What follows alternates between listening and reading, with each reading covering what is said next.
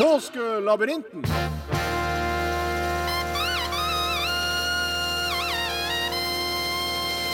P1 Skattejakt.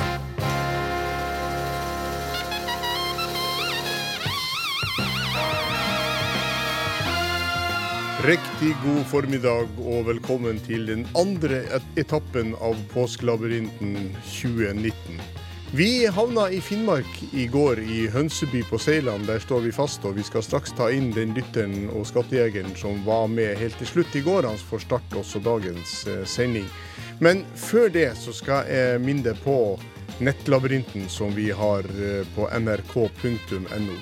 Der kan du altså gå inn og ta din egen labyrint når det måtte passe deg. Og hvis du kommer fram til skatten, så blir du registrert og blir med i trekninga om ei T-skjorte. Påskelabyrint-T-skjorte. Og det siste døgnet så har vi trukket ut én vinner.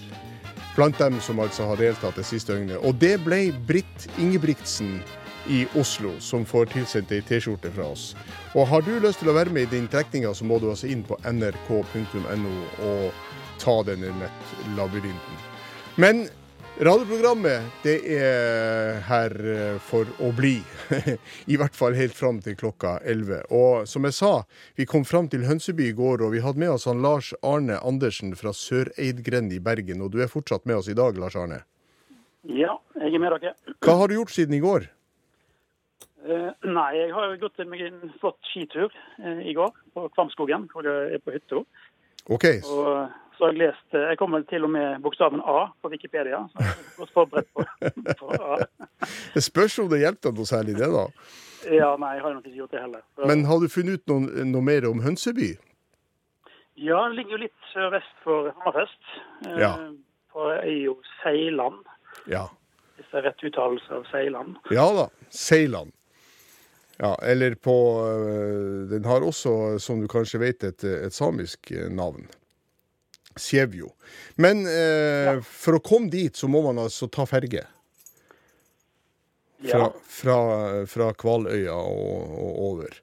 Fra Akkarvik, eh, heter vel det. Akkarfjord, unnskyld, på Kvaløya, og til Hønseby havn. Og så går det vei da, en fylkesvei da, over eh, Seiland. da. Men eh, ikke så veldig mange folk som bor der. Det er bare eh, sånn i underkant av 150 innbyggere, tror jeg. I hvert fall det som er registrert. Men vi står fast der, og eh, det skal vi selvfølgelig ikke eh, gjøre noe veldig lenge. Så lenge du eh, har lyst til å reise videre, så skal vi gjøre det. For i Hønseby så møter du en mann fra Hamar. Og han forteller at hans heimby sto sentralt i gjenoppbygginga av et sted som ble lagt i ruiner for vel 73 år sia. Stedet grenser til et distrikt som, er, som en bys bestemor vil sende folk det i form av et kraftuttrykk. I 18 år kunne innbyggerne ergre seg over et 211 meter langt fartøy som mot alles vilje havna der på vei til India. Stedet har samme førsteledd som øya det ligger på, og to av de tre siste bokstavene i alfabetet er representert i navnet. Hvor skal vi reise nå? Ja, Og sa jeg, og sa jeg 73 år siden, så mente jeg vel 75 år siden. 75 år siden. Når det alltid at det blir lagt i ruiner. Ja. Ja, da var vi i 1944. Uh, og så sa du noe om uh, et uh, Det var bestemora til en person som hadde et kraftuttrykk. ja. Det ligger ved grenser til et distrikt som en bys bestemor vil sende folk til. I form av et kraftuttrykk. Ja, da tror jeg vi setter Stumpa. Eh, altså ikke Ja. plassen Stumpa, men det handler om en figur i Stumpa som heter Bodø. Mm. Og han hadde vel ei bestemor som eh, sa noe om å dra på Lopphavet. ja, det er helt riktig. For det er kraftuttrykket. Ja. Men hvilket, hvilket sted skal vi til, da? Som, Ja. som har første ledd som øya det ligger på, og to av de tre siste bokstavene i alfabetet er representert. Ja, de tre, tre siste bokstavene er jo Æ, Ø og Å. Ja, Og så er to av bokstavene representert. representert. Ja. Hva, hva er det? Sammensetning kan det bli? Eh, du sa jo noe om et vrak. eller jeg antar at det er vrak. Ja. 211 meter. ja. Eh, Hva var opplysningen om den, den igjen? For Den, I 18 år kunne innbyggerne erge seg over et 211 meter langt fartøy som mot alles vilje havna der, på vei til India. Ja, jeg mener det var slepet av et russisk eh, militærfartøy Ja, som det skulle sikkert på til India for opphogging. ja det er riktig. Ja, og jeg husker jeg så bilder av det der eh, i, i, i fjøra. Eh, 211 meter, eller så langt. Og så Det ble jo liggende eh, og rusta og så ganske fælt ut. Eh, men det russiske vraket eh, Skal vi se eh, Jeg tenker at eh, siden det er to bokstaver som er altså æ, ø og å, Ja, så tror jeg at eh, det er et vær. Bokstaven så, æ. så da skal vi reise til Eh, skal vi se og, ø. Da er det, jo- jeg, jeg har litt hjelper jeg òg her, så jeg har fått tips om sørvær. Hvor ligger det hen? Hvilken øy ligger det på? Ja, da må jeg tenke høyt igjen. Eh, sørvær det ligger ja, Hva er det øy- øy- øyene oppi der? Lopphavet, Bodø. Eh, det burde jeg ha visst. Ikke så veldig vanskelig når eh, det ble opplyst om at eh, stedet har samme førsteledd som øya det ligger på. Det var jeg, ja. Hva er første leddet i eh, stedet vi skal til? Eh, sør. Ja, Sørvær. og da heter øya Sørøya. nettopp. Ja. Sørvær ligger på Sørøya, en av de virkelig store øyene i landet. Ja. Og du, som du sa, det grenser jo da til Lopphavet. Som du helt riktig sa var et kraftuttrykk som eh, bestemora til Bodø brukte i, i Stumpa-serien. Ja. Så vi reiser til, eh, til Sørvær, vi, og eh, bare for å oppklare dette med Hamar. Fordi at byen Hamar var den første som starta en aksjon for å gjenreise Finnmark etter nedbrenninga høsten 1944. Og Fylkesmann Hans Gabrielsen i Finnmark foreslo at Sørvær skulle få hjelp fra Hamar. Og hjelpa var så stor at man fikk til og med tilsendt permanente boliger, bidrag til vannverk, samfunnshus og utdannelse av ungdom fra Sørvær. Så eh, folk på Sørøya og Sørvær har mye å takke Hamar for etter den innsatsen som skjedde etter at eh, nazistene brente ned hele Finnmark. En historie som kanskje ikke er så veldig godt kjent som vi kanskje tror at den er, med så mange flyktninger som det var den bare for 75 år siden. Jeg vet ikke hvor godt du kjenner til den historien, Lars Arne? Nei, Jeg var ikke klar over at Hamar hadde spilt en sånn rolle for eh, det var, det var nytt for meg. Ja, Men eh, akkurat det tror jeg kanskje er nytt for mange, men dessverre er det også sånn at det er nytt for mange at det var, at det var så mange flyktninger fra Finnmark eh, for bare 75 år siden. Vi er jo vant til å tenke oss til at det er flyktninger fra andre land som kommer hit. Men vi hadde Ja. altså eh, over 70 000 flyktninger i vårt eget land for 75 år siden. ja. Pga. at nazistene eh, brente alt som var, å, brenne i hele Finnmark og Nord-Troms. Ja. Vel, vel. Vi drar altså til Sørvær, og der møter du en mann med trompet som vil ha det med til det han kaller Tante Johanne. Det er en by som vokser fram som et underholdningssentrum for naboene nord for grensen. Her ble en kjent salatrett med brødkrutonger og parmesanost oppfunnet for 95 år siden. I dag strømmer også folk til byen, men den motsatte vei. Lederen i nord prøver med alle midler å hindre denne vandringa, og anklager dem både for kriminalitet og terrorisme. Plutselig stopper ei drosje, og ut kommer en rekke musikere og spiller sammen med trompetisten.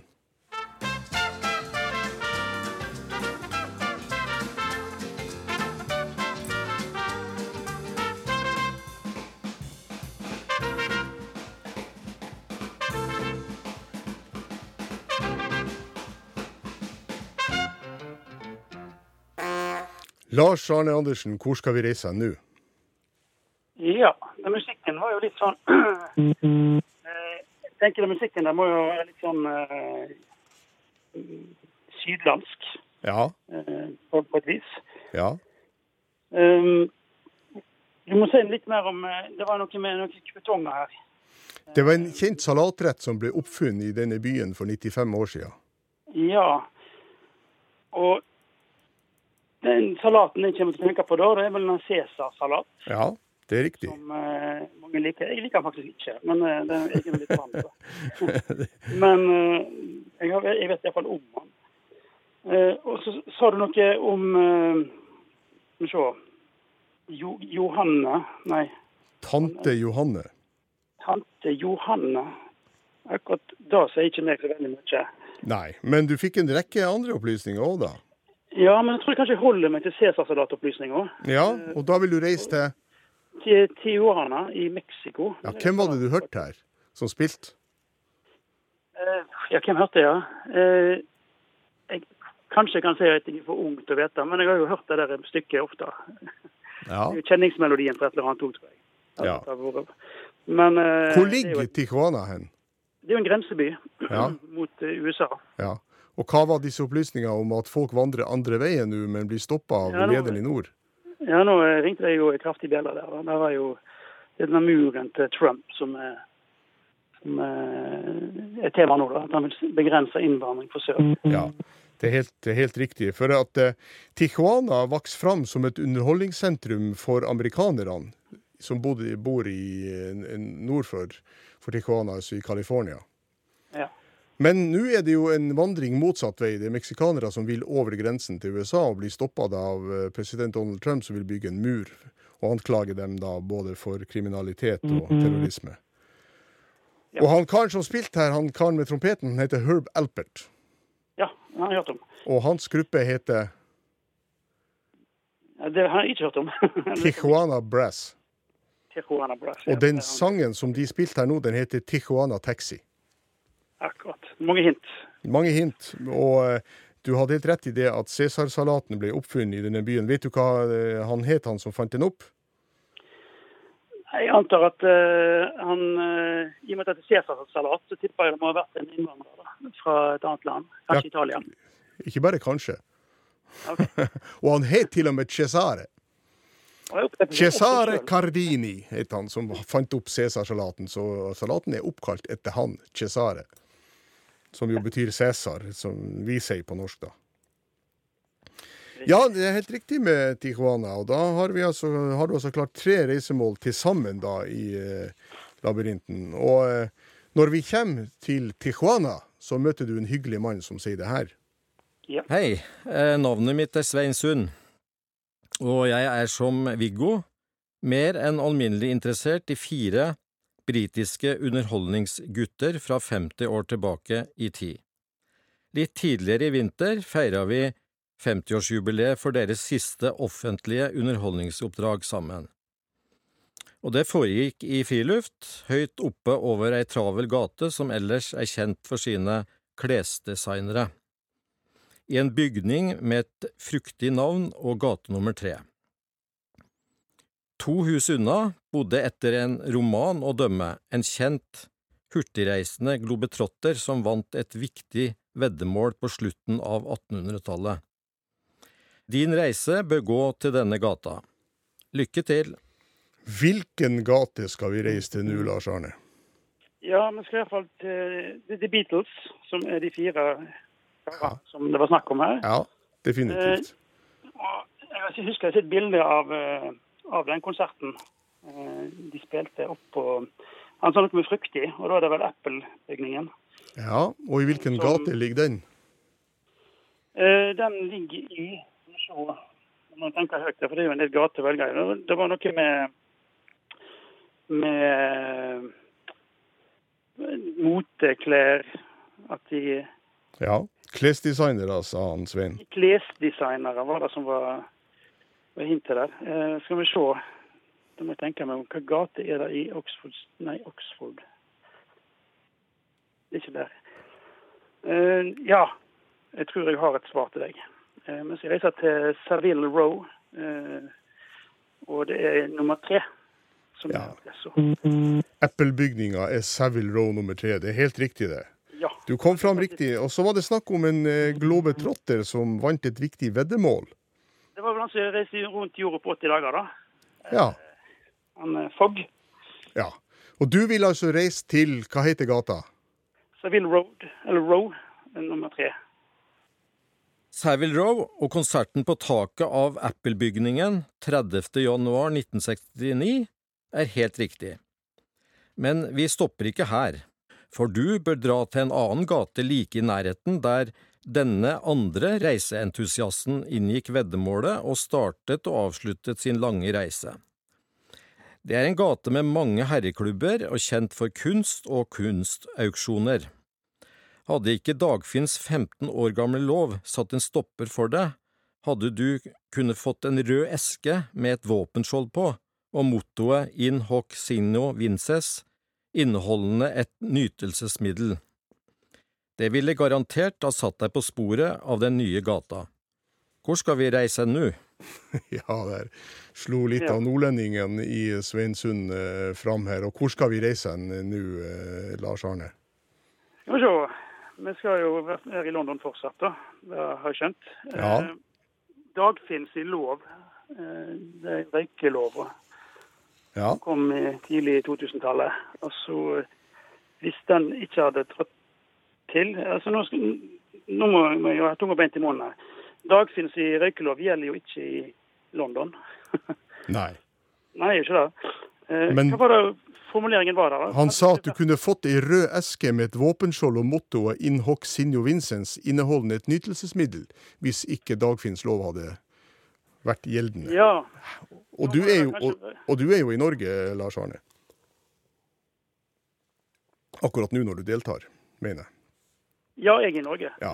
Så hvis jeg får den eska som kanskje inneholder en sigar, eller sigarer, så kan jeg ikke nyte den hvor som helst i Norge.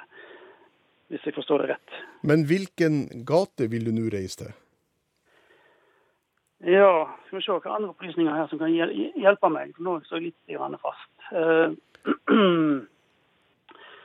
uh, Du, du var jo inne på den eh, andre reiseentusiasten. Hvem var det? Det var jo han, eh, han Fogg. Ja, Eh, Han starta og avslutta sin rei lange reise i denne gata. Ja. Kjent for mange herreklubber og kunst og kunstauksjoner. Og så vil du få, kunne bli satt på sporet av navnet på denne gata hvis du hadde ja. Ja. Skal vi se. Hvis vi snakker om eh, esker med innhold, så kan jo det være disse sigarettene som heter Paul Mall. I så fall så er det The Mall som er gatenavnet. Så du vil reise til uh, The Mall. Ja, eller Paul Mall, som gata het. ja. Du, du skal få godkjent det. Og det var helt riktig som du sa, det var sigaretter det var snakk om. Disse sigarettene som, som jo er forbudt å reklamere for, selvfølgelig, og som ikke man kan nyte hvor som helst heller, pga. røykeloven som Dagfinn Høybråten var med på å innføre. Det var vel ikke han som var røykelovens far, riktignok, men han var jo sterkt medvirkende til at eh, vi fikk denne loven her i landet. Og på denne eska så står det mottoet 'In hoc sinio vinces', faktisk. Latinsk for Ja, vet du hva det betyr? Hoc, et eller annet med i nuet eller i Ja, det har noe med tid. Men eh, latinen min er ganske begrensa til eh, Vincens betyr å erobre. Så det betyr slett med dette tegn vil du erobre, og det er et gammelt romersk eh, motto. Som brukes bl.a. Eh, av Hæren i Norge. Andre bataljon som er forlagt på Skjold i Troms, bruker dette, dette mottoet.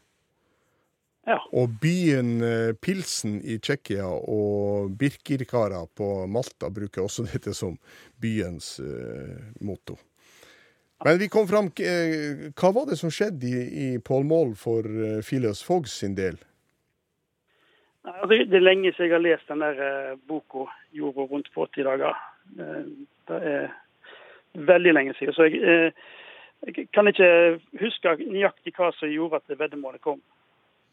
Han holdt altså til i en herreklubb i Pålmål. Mall, denne Phileas Fogg, og der inngikk han et veddemål om at han skulle kunne klare å reise rundt jorda på 80 dager.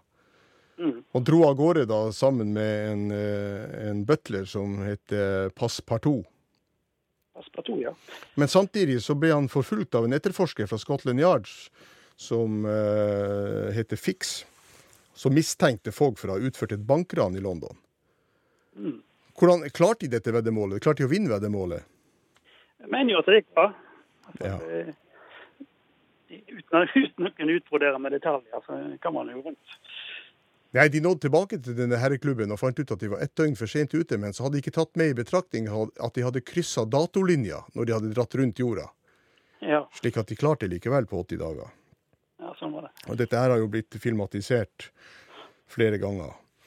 Vel, vel, vi har visst kommet fram til fem oppgaver, så vidt jeg kan uh, telle opp her. Og det sier Eivind Motland, som er produsent, at det er helt riktig.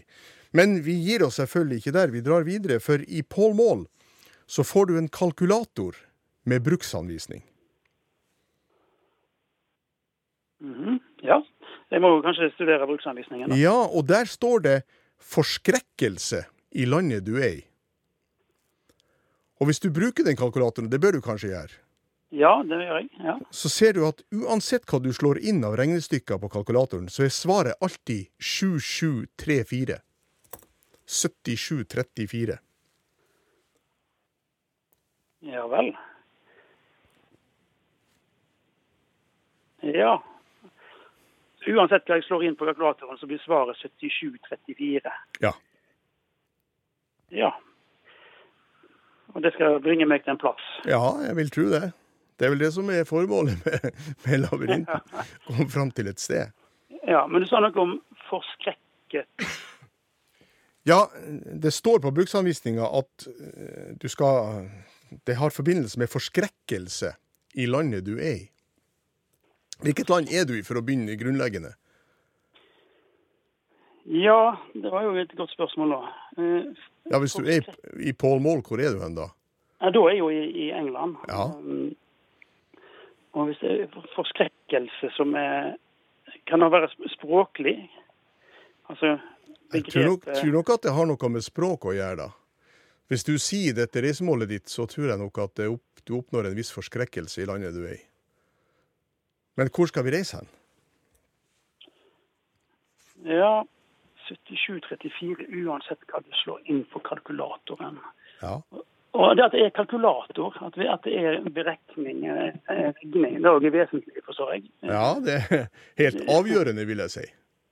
Ja, det er helt avgjørende at det er en kalkulator. Uh, altså Tallet 7734 Hadde det vært i Norge, så ville det vært i Steinkjer. For det er jo postnummeret dit. Ja, det kan du Men- selvfølgelig ha rett i, men, eh, Men, eh, men hvilken forskrekkelse gir det om du sier Steinkjer i, i Storbritannia? Ja, det blir helt satt ut. Kan gi forskrekkelse hos andre, men ikke der. Nei, jeg tror vi stopper reisa der, eh, Lars Arne. Du har klart fem oppgaver, og eh, vi stopper reisa der siden ikke du har noe konkret forslag. Og så vet du at du eh, ligger godt an i eh, konkurransen om en finaleplass. Du får bare følge med resten av påska. Et, siste krampetrekning fra min side her. Eh, det er jo et engelsk ord eh, som heter eh, hell, som er et På norsk så betyr det helvete. Eh, og nå vet jeg Jeg har fått litt hjelp fra noen her, det må jeg takke for. Det som skjer hvis du snur begrepet 77, eller tallet 7734 på kalkulatoren, snur kalkulatoren, så kan det leses som et ord. Og da står det Fi- Firetallet ser ut som en H, osv. Da står det faktisk hell. 77 blir eh, LL til slutt der. Og hvor skal vi reise hen, da? Eh, Da skal vi til hell. Hvor ligger det? Det ligger jo i Trøndelag. Ja. Eh, men det var Jeg må takke og bukke for litt hjelp fra eksterne her, men det var ja, det må man kunne kalle 'saved by the bell', dette her, eh, Lars Arne. Det var det. det, Ja. det var, og, men nå ser jeg jo den kalkulatoren. Vi lekte oss jo veldig mye med den der før. Men, Ja, ikke sant? eh, du fikk Ole, det var 370. Eh, Ja. ja. ja. Nei, vi skal til Hell, og man har jo brukt dette her i veldig mange sammenhenger overfor engelsktalende turister, da, ikke sant? Man har en eh, stor musikkfestival i, i begynnelsen av september som heter Blues in Hell. Ja. Da sier disse utenlandske, amerikanske og engelske bluesmusikerne til hverandre 'See you in hell'. ja, det er fantastisk. Ja. Det finnes til og med et firma der som eh, drev og serverte soldatene, eh, amerikanske soldater under den siste militærøvelsen som var, som heter Hell Catering. Og de amerikanske soldatene syntes det var usedvanlig spesielt at de ble servert av Hell Catering. Det er nydelig. Ja, nei, du ble berga i siste liten, så du får Ja, en sjanse til da her. Og på hell får du bilde av en eh, amerikansk høyt dekorert femstjerners general sammen med en konge og sammen med krigere rundt et rundt bord. Og et bilde av en syngende dame med langt, mørkt hår i 20-årene foran en mikrofon, men med ei sprøyte i handa. Et tredje bilde viser en amerikansk kvinnelig høydehopper med initialene AA fra sommer-OL i 2012. Hvor skal vi reise nå? Eh, For å ta det siste først. Sommer-OL i 2012 var jo i det burde jeg vite. Det var i London. Eh, og den amerikanske høydehopperen som heter AA, det må være Amy Acuff. Ja, Hun husker jeg. det er riktig. Og så sa du noe om eh, femstjernes general. Ja. Uh, ja, den var litt verre. Men kan han hette, Hvis han heter noe med Arthur uh, Han er general. ja. Så skal vi til og, og det som sammenfaller her, er jo navnet Arthur. For det, hun, Amy Acuff hun kommer fra Port Arthur, eh, en by i Texas. Ja, Du vil reise til Jeg vil reise til Port Arthur. Ja, det er helt riktig. Det er helt riktig det. Vi skal, jeg skal gi deg rett på det med en gang. For det er helt rett som du sa, at høydetopperen Amy Acuff hun kommer fra Port Arthur i Texas. Men vi, hvem er hun sanger, sangerinna med langt mørkt hår og ei sprøyte i handa? Altså, Det er nærliggende å tenke seg at uh, det er ei som har slitt med misbruk. Ja. Uh, det er sikkert flere å velge i, da, men uh, igjen Dette var i 2012. Det er ikke så lenge siden hun, Amy Winehouse eh, døde av overdose. Det kan hende det er hun. Nei, nå er, du, nå er du litt på villspor. Nå er på villspor, ja. Vi sa ikke noe om at denne sangerinna opptrer i 2012. Det var hun Amy Acuff som gjorde det. Dette her er Janis Joplin. Ah, Janice, ja. The Pearl. Ja. Ja. Og hun eh, er fra Da er nok hun fra Port Arthur. I, Hun hun er det. Og hvilken general er det med fem stjerner, som er en av de få som har fått fem stjerner i, eh, i USA? Den høyest dekorerte soldaten i US Armys historie. Hva het han? Eh, eh, han heter nok eh, heter MacArthur. Ja. Eh, jeg husker ikke fornavnet. Douglas MacArthur het han. Douglas MacArthur. Ja. ja. Han var jo øverstkommanderende for, for de amerikanske styrkene i Stillehavet under andre verdenskrig. Og det samme for FN-styrkene under Koreakrigen, men røk litt uklar med presidenten den gangen. Ja. Nei da, vi kom jo elegant fram til Port Arthur nå da. Du tok det inn igjen der, Lars Arne. Du, jeg gjorde det. Litt flaks der, men eh, sånn er det. Vi reiser til Port Arthur, og der møter du en amerikansk historiker som vil ha det med til de første ordentlige britiske bosetningene i den nye verden. Byen du skal til, ble oppkalt etter kongen den gang. Den første kongen i et nytt kongedynasti.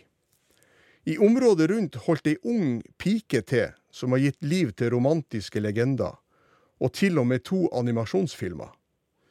Hun gifta seg nemlig med en av innbyggerne i denne byen, og reiste tilbake over havet med ektemannen som indianerprinsesse for å vises fram i kongens hoff, og ble dermed Amerikas første internasjonale kjendis. Hvilken by skal vi reise til nå? Ja. Eh, skal vi se. Eh, den, eh, det er Pocahontas jeg tenker på. Ja. Og jeg har jo sett, jeg har jo unger som har sett disse filmene. Eh, og heter ikke han John Smith? Han eh, mannen som må eh, Iallfall Smith, et eller annet. Han mannen som må, må gifte seg med. Ja, Han heter ikke Smith, han hun gifta seg med, men du, han er inne i historia, så du er, på, du er på sporet. Ja. Men spørsmålet er hvilken by vi skal reise til. ja. Er det byen hun reiste til i i uh, Du skal til de første ordentlige britiske bosetninga i den nye verden, som ble oppkalt etter kongen den gangen, den første i et nytt kongedynasti. Det er dit vi skal. Akkurat. Og i området rundt holdt eh, Pocahontas til, som du snakka om. For det er nemlig Pocahontas det er tale om her. Ja, det er Pocahontas. Ja. Og så en by er oppkalt etter en første Du, nå er jeg litt på tynn is igjen. Men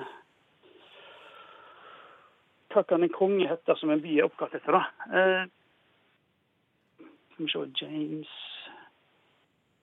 Henry Ja, kan det være eh, Skal vi se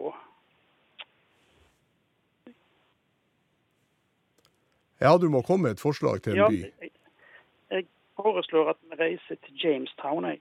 Hvor ligger det hen? Det ligger jo litt nord i eh, For Pocahontas var vel litt nord, nordøst, tenker jeg, i, i eh, USA. Hva heter eh, området rundt staten? Staten som Jamestown ligger i, kan det være New York? Eller? Nei, da er vi langt Ikke så langt unna, da, men vi er et stykke unna da. Nei, men du har rett i at vi skal til Jamestown. Og hvilken Ja. konge er det Jamestown er oppkalt etter? Det var det King James. Ja. Men uh, hvilken i rekka han var? Han var nummer én, for han var først. Første førstemann ut, ja. Var- Han var først i. Stuart- Stuart-dynastiet. Ja. Han tok over kongemakta etter dronning Elisabeth og fikk til både denne byen og elva i Virginia, som, eh, som eh, staten het i dag. Ja. Virginia. Ja. Ja. Ca. sju mil eh, sørøst for eh, delstatshovedstaden, som heter Richmond. Og der holdt, I området rundt holdt hun Pocahontas eh, til, som du sa, og hun hjalp da engelskmenn etter legenden. Men så ble hun kidnappa, bare 17 år gammel, og så ble hun døpt og gifta seg med en tobakksdyrker som heter John Rolfe. Og ble med han tilbake til England som den første kjendis, kan du si, fra Amerika ble presentert som indianerprinsesse. Gikk ikke særlig bra, særlig bra med hun Pocahontas, fordi hun eh, ble smitta av sykdommer som hun ikke var vant til. Så hun, eh, hun døde bare 22 år gammel, og det var enten kopper eller tuberkulose som tok livet av henne. Det vet man ikke helt. Men vi er kommet fram til Jamestown, og nå begynner det å bli ganske mange eh, oppgaver inne i labyrinten, så jeg tror vi tar en bitte liten pause nå, da, og så slipper vi til våre venner Sve Sven Nyhurs kvartett, som jo trofast står her i kroken hos meg og kommer fram og spiller denne berømte Karis Beers polska én gang per dag.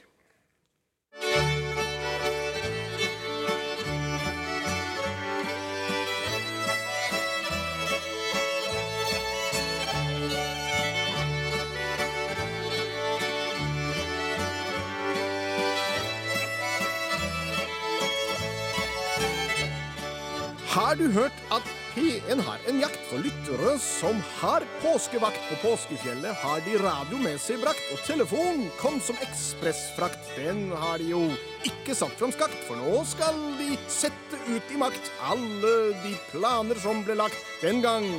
De inngikk en pakt før de på frokosten har smakt og spist av de brødene som ble bakt. Kler de på seg en skattejaktdrakt, man må jo vise seg i all sin prakt. Man finne fram en høretrakt, setter seg ned i full andakt og tar imot det tilbud man blir rakt. Her skal det ikke bli noe slakt. De slutter med nummeret i takt. 8, 15, 2, 10, 3, 1 har jeg sagt.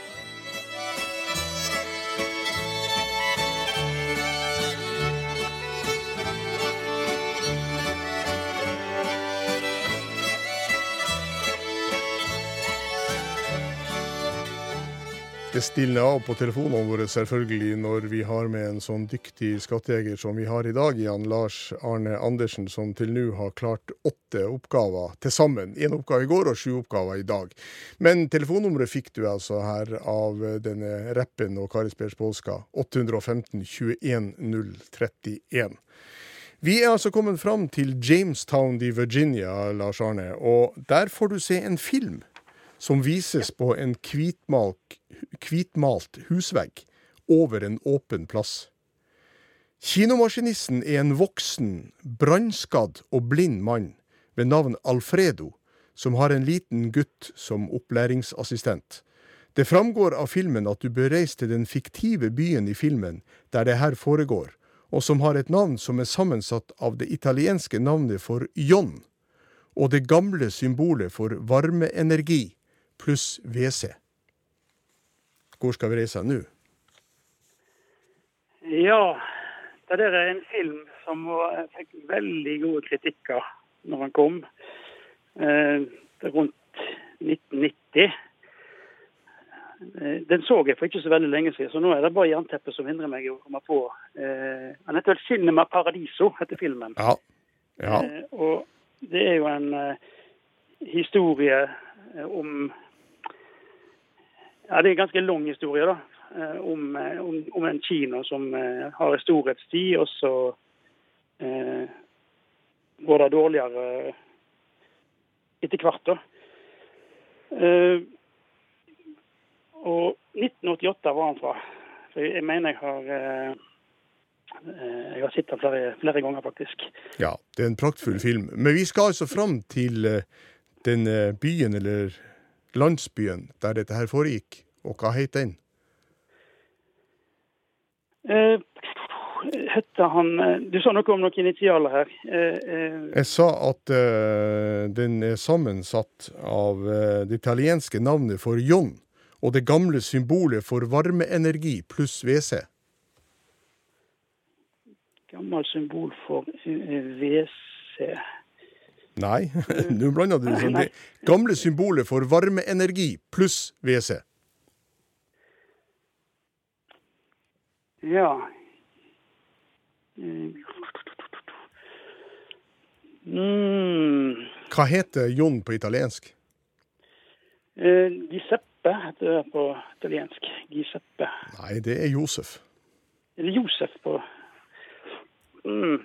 Josef. Nå fikk jeg litt hjelp av det, sannsynligvis. Um, skal vi se her.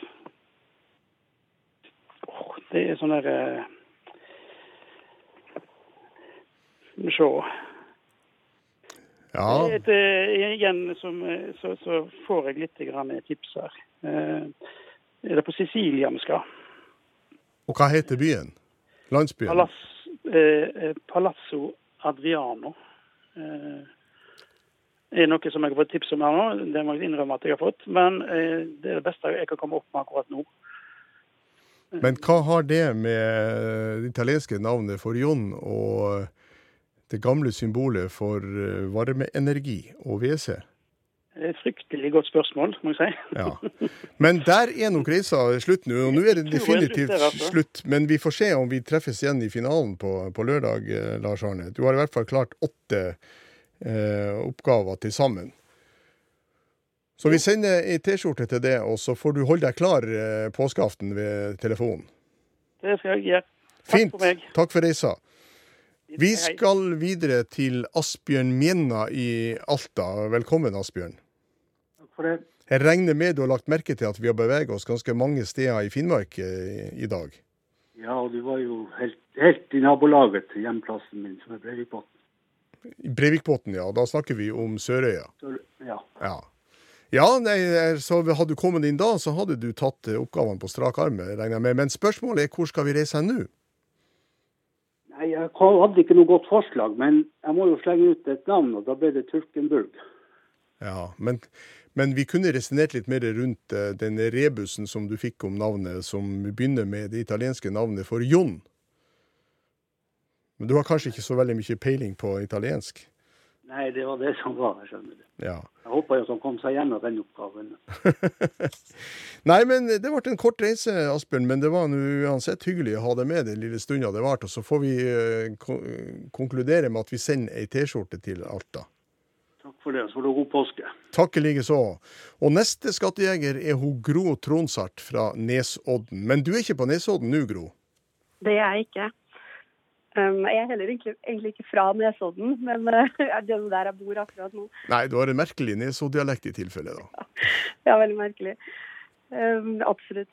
Nei, nå er jeg på ferie på Røros med hele storfamilien. Um, så langt unna Nesodden akkurat nå.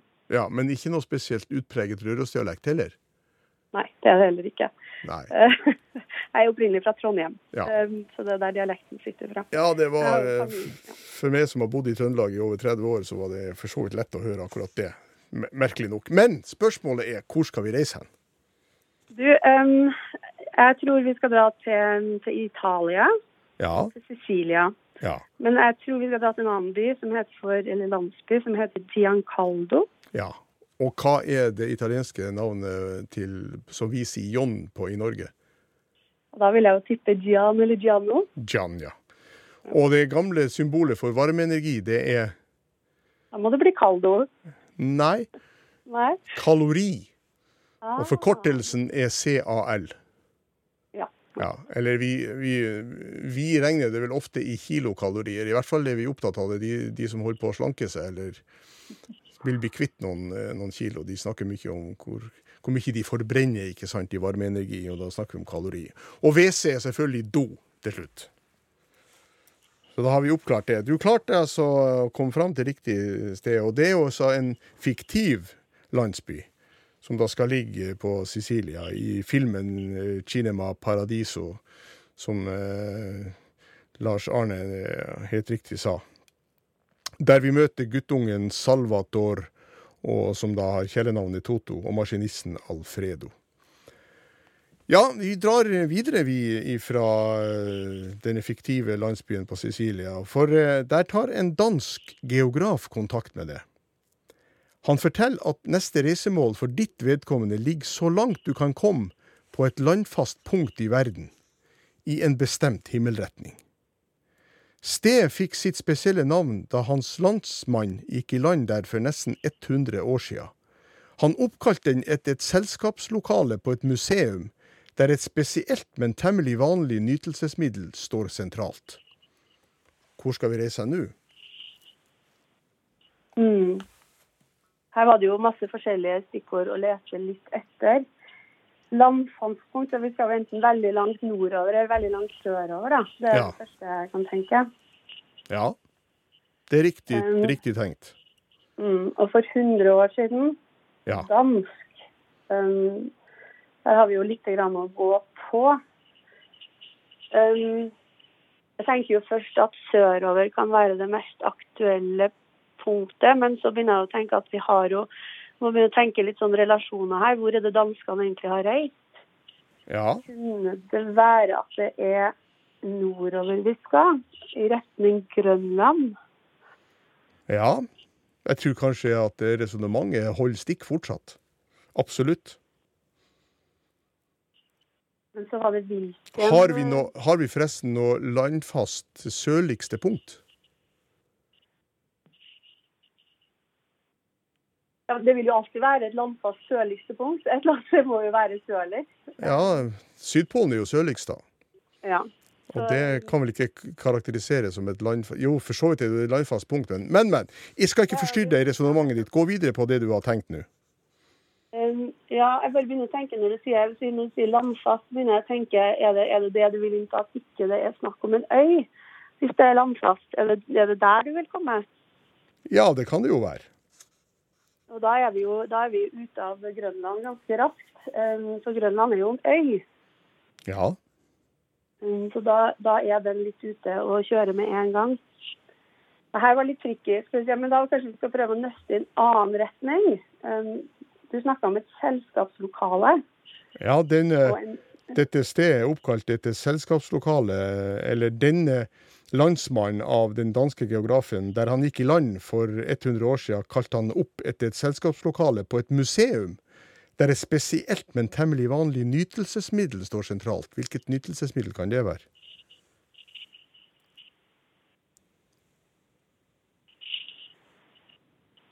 Jeg kjenner jeg danser rett, så er det vel noe om alkoholinnhold, for å si det sånn. Nei, det her syns jeg ble veldig vanskelig. Her har jeg veldig lite å gå etter, må jeg innrømme. Altså. Det her ble veldig, veldig vanskelig for meg. OK, skal vi gi oss der da, Gro? Ja, jeg tror egentlig jeg skal bare kaste inn håndkleet. Ja. Det her var veldig lite å gå etter. så Sporty gjort av det. Sporty gjort av det, Gro. Og belønninga er selvfølgelig ei T-skjorte med Påskelabyrint-logoen på, så den får du tilsendt eh, til din hjemmeadresse på Nesodden etter påske. Flott. Takk skal du ha. Ha ei fortsatt god eh, påske på Røros. Ha det bra. Vi drar videre til Ove Brantvi, som er i Nordmarka i påska, har jeg skjønt, Ove. Ja, det er, nest, ja, det er riktig. Jeg har akkurat kommet en tur ned til Oslo igjen. Da. Jeg er på Carl Berners plass i Oslo, hvor jeg bor nå. Men ellers er jeg på Mylla i påsken, ja. Ja, Carl Berners plass kan vel ikke karakteriseres som Nordmarka? Det, det er vel å ta litt hardt i. Det er ikke så langt. Så jeg er dagstur ned i Oslo igjen. Ja. Men så er spørsmålet hvor skal vi reise hen? Ja, dette var litt eh, på siden jeg venta i 32 år, da. Så Og såpass, ja. Så du har hørt på alle postlabyrintene du helt siden Eh, 1987? Nei, jeg, må, jeg har hatt et par år på påske på Cuba, så det har jeg vært borte. Ellers har jeg hørt på de aller fleste, tror jeg. Akkurat. Nå Men- finnes, nå finnes det jo nettradio, da. Ja. Også på Cuba. Var det, Ja. var det vanskelig og dyrt. Skal vi se. Du skal på et landfastpunkt. Langt sør eller nord. Ja, vi har vel, vi har, du fikk vel såpass mye hjelp av ja. Gro at du skjønner hvilken eh, retning vi skal i? Ja, jeg vil, jeg vil sørover, jeg nå. Du vil sørover, du? OK. Nei, nei, jeg er nordover. Hun, Ja, ja, ja. Det ville vært usedvanlig Ja. dumt av deg å dra sørover etter at vi hele tida snakka om nord. Ja. Ja. Vi snakker om, ja.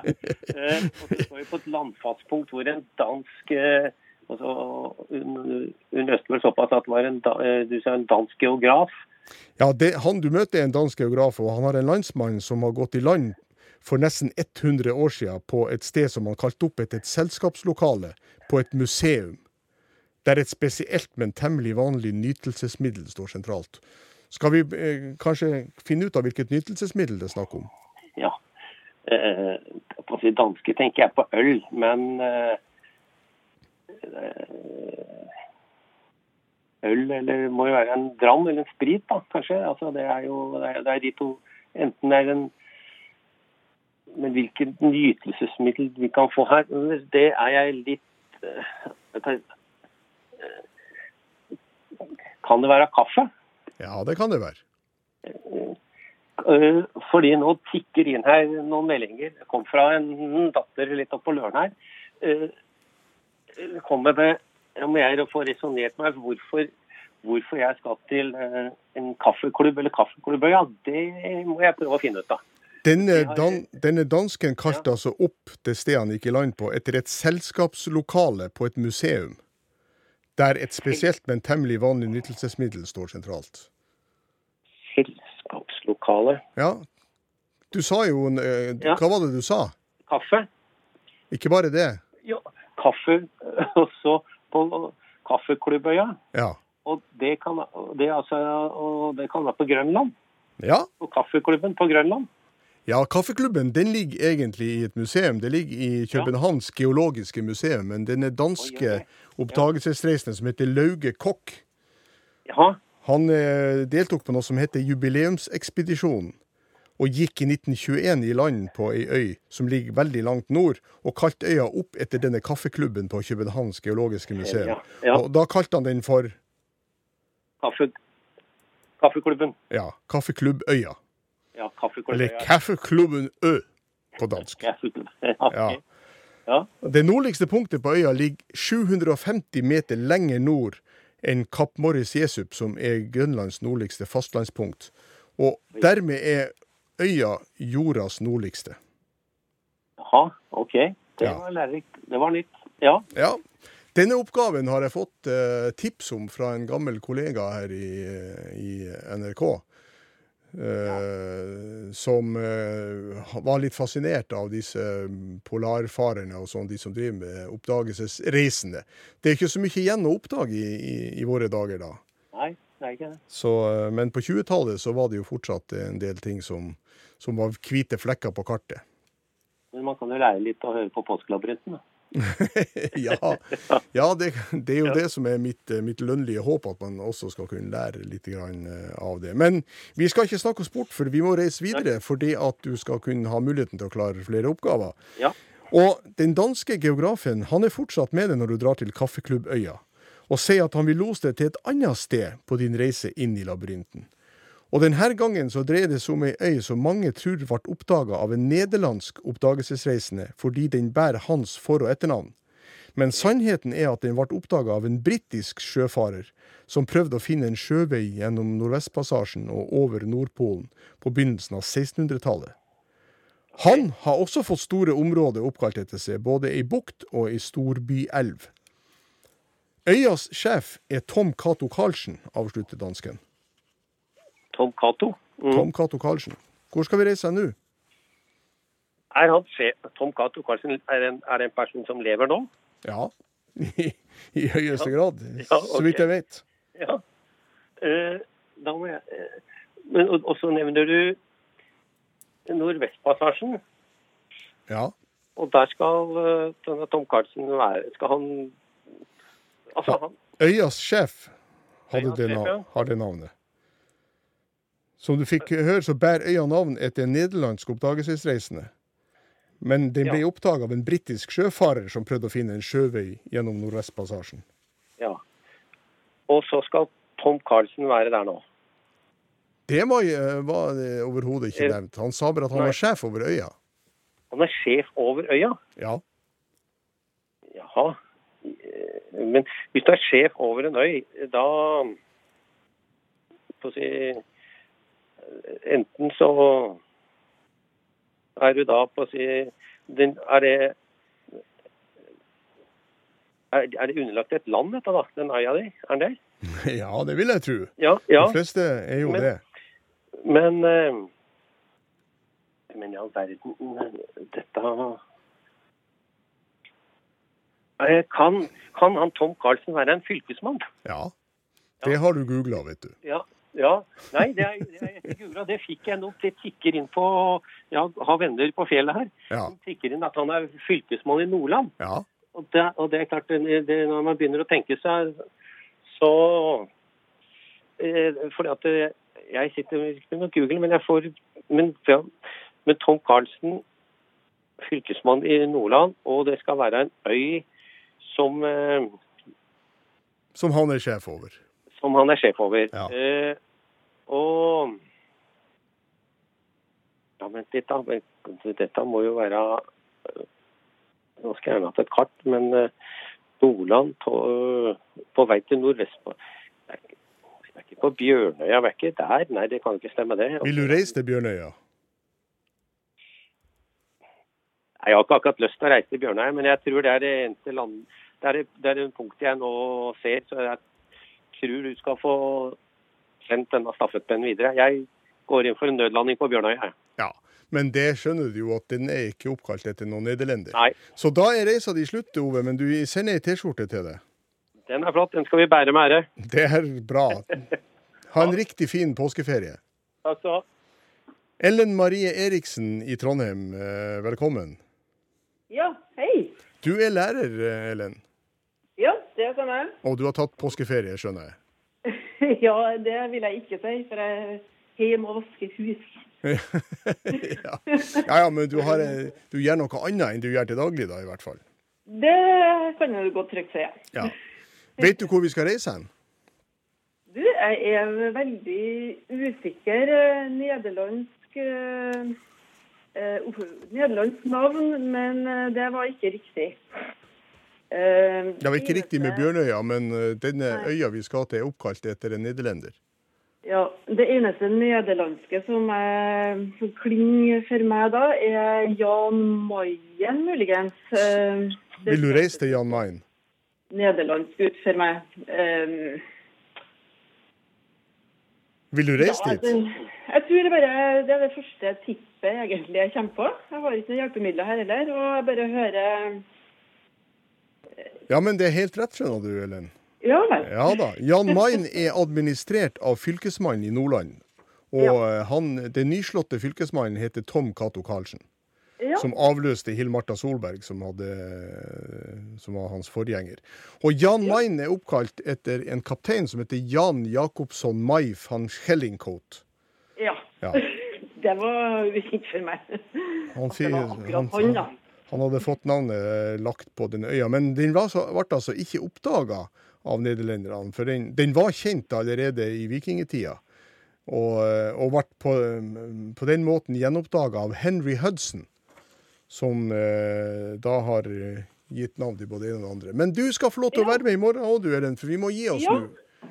Ja, så Ja. artig. Ja. Vi kommer ikke lenger enn det, og jeg skal bare si at Morten Lyen eh, har vært teknisk ansvarlig. eh, Eivind Motland er som alltid produsent.